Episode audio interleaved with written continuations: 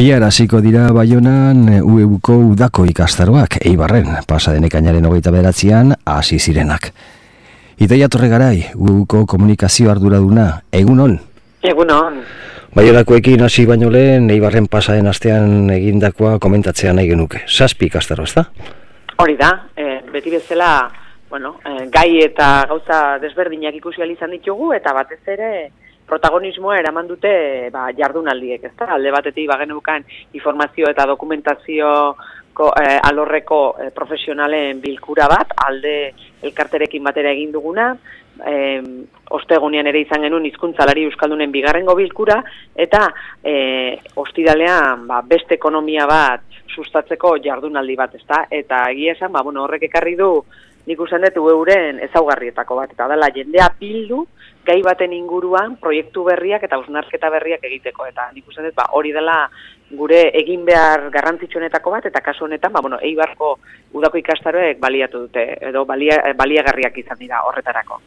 Zer moduz parte hartzea?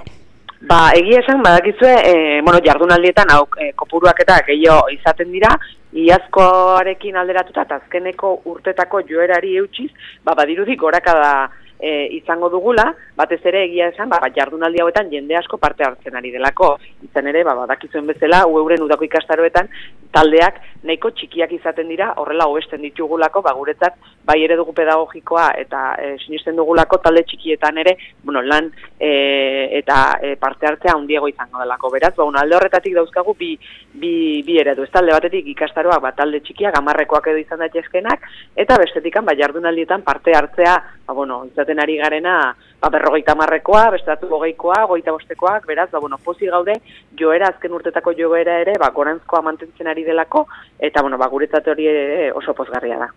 Beraz, impresiona, eibarren e, lehen aste honek emandakoren inguruan? Hori da, hori da, batez ere, ba, ikusten degulako e, ikasteaz gain, da, ba, jendearen zat, e, galderak egiteko eta proiektu berriak sortzeko gunea badela, ez da, eta oraindik badela eta izango dela. Orduan, ba, bueno, guretzat hori, ba, arrotzeko modukoa da. Esan dugu bezala pasaden astean eibarren, ebi zen uegu, eta baina udako ikastaroek jarraitzen dute, aztenetan, baionan, bihartik aurrera, sei ikastaro. Hori da, salto egingo dugu, eibartikan baionara, eta, ba, bueno, e, sei, bueno, sei, azkenean, bost izango dira, bost ikastaro izango dira, eta horietarik, ba, bueno, alde batetik izango da, helduen euskalduntze alfabetatzea, moldaketa beharra, ba, bueno, ikusten da, ikusten da lako horrere, e, bueno, e, aldaketa bat edo hausnarketa bat egin beharra e, ikusten da, ba, bai, e, elduen euskalduntze alor honetan, ez da, izen ere, ba, bueno, urte asko dama ekizkitea dagoeneko e, euskal jendea euskal, e, euskalduntzen, baina orain dikan pasa berdu beste urrungo urratxera, ez da, pertsonak euskalduntzetik testu inguruak ere euskalduntzera, ez da, nik usen bai korrikak ere alako mugarri bat jarrizula, aurtengoak, eta nik usen ari horren erdikan, ba, bueno, saiatuko dira, e, hemen hainbat helburu lortzen. Ez da, bat egitea, euskaltegiek ere normalizazio prozesuan ze paper duten ikustea eta aztertzeara ikusiko dute, e, izkuntza eskabideen gaia ere aterako dute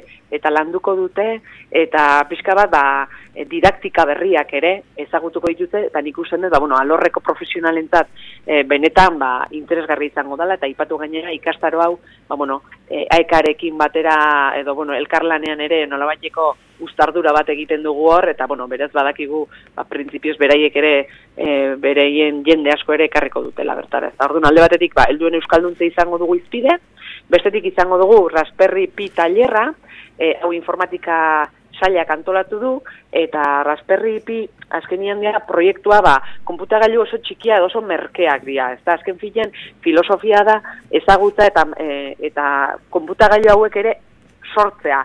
Gero, azken finean, ba, bueno, ezkuntza ere demokratizatzeko, eta azkenian danon eskura eta software librarekin egiteko. Orduan, ikastar honetan, ikasiko dute hori, trepeta hauek, eta beraiek osatu, beraiek eraiki, eta horiek gero, ba, ikasgelan nola, nola erabili ditzaken. Ez da nik dut, ba, bueno, benetan praktiko izango da, eta eta eskua eukiko dutela e, emaitza, ez da gainera.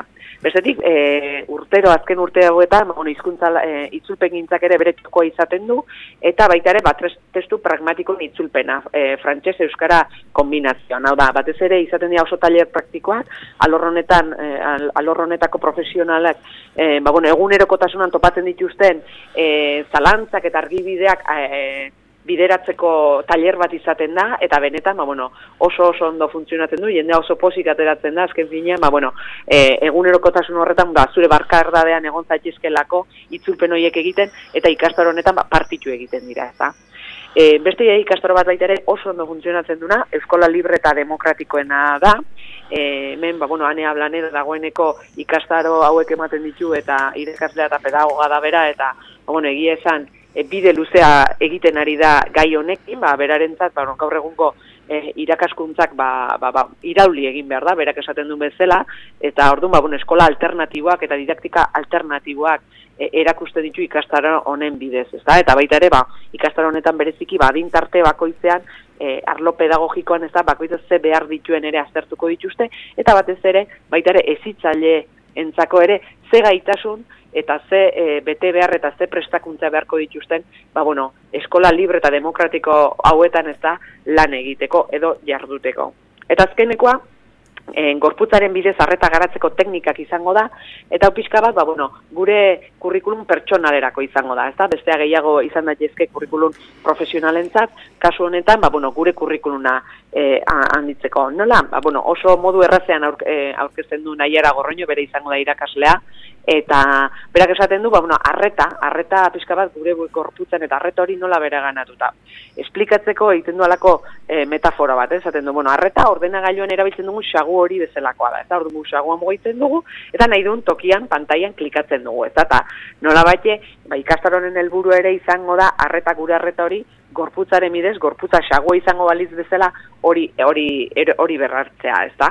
Eta eta bueno, ba bost ikastaro horiek izango dira, ikusten duzue oso oso e, gaitegi desberdinarekin eta zuk esan bezala bi arrasiko da baionan eta ostigala bitarte bertan izango gara.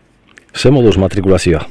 Matrikulazioa, bueno, ba, egia esan, e, baionakoa e, oso ondo junda, egia esan, egia da, ba, ikastaroen bat ere pertan bera gelditzen da, beti gelditzen zaigun bezala, e, ba, bueno, ba, ba, ba, ba, ez dugu asmatzen batzutan e, dan data edo tokia, bueno, gero behar ditze, gure ikastorak e, berziklatu egiten ditugula ikasturtean zehar, beraz, orain ez badateratzen, ba, udazkenerako edo udaberrirako aterako da, ba. Baina gustora gaude, esan bezala leno, e, joera, e, ona da, azken hiru urtetan edo datuak onak izaten ari dira eta kontutan hartuta, bueno, gaur egun ba, udaran ere badagola hainbat eta hainbat eskaintza, ba, gurea eta gure oraindik ere referentziala izatea eta gainera euske, euskerazko ere izatea eta oraindik bueno, erreferentzia hori mantentzea ba, guretzat egia esan oso pozi gaude.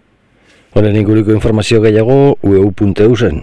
Hori da, eh? oraindik gainera gogoratzi, naiz eta baionan hasi eta oraindik eibarko bigarrengo astea gelditzen dela, eta irineko azkenekoa, eta oraindik or, or, ba, izen emateko aukera badagoela, beraz, zuk esan dezun, elbidean, ueu.eusen, topatuko duzu informazio guztia.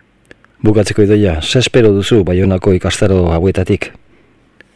Ba, nik usan, e, alde batetikan jendeak, e, jendea ikastea eta pozik egotea, trukatzea, ez e, parte hartzea, e, handia izatea, alde batetik, eta bestetik giro bereziki baionan eta iruñan oraindikan giroa berezi izaten da, e, barnetegi kutsu gehiago izaten dutelako eta nik usten dut horrek guztiak ematen diola alako beste e, alako beste marka bat bezala, ez da udako ikastara hauai, beraz, e, asko ikastea, jendeak ondo pasatzea, bueltatzeko gogoa izaten da, eta giro iderrean pasatzea, hori izango litzateke nere naia. Idoia Torre Garai, UEUko komunikazio arduraduna, mila esker, zure kolaborazio gatik eta hurrengo arte. Mila esker zuai. Agur.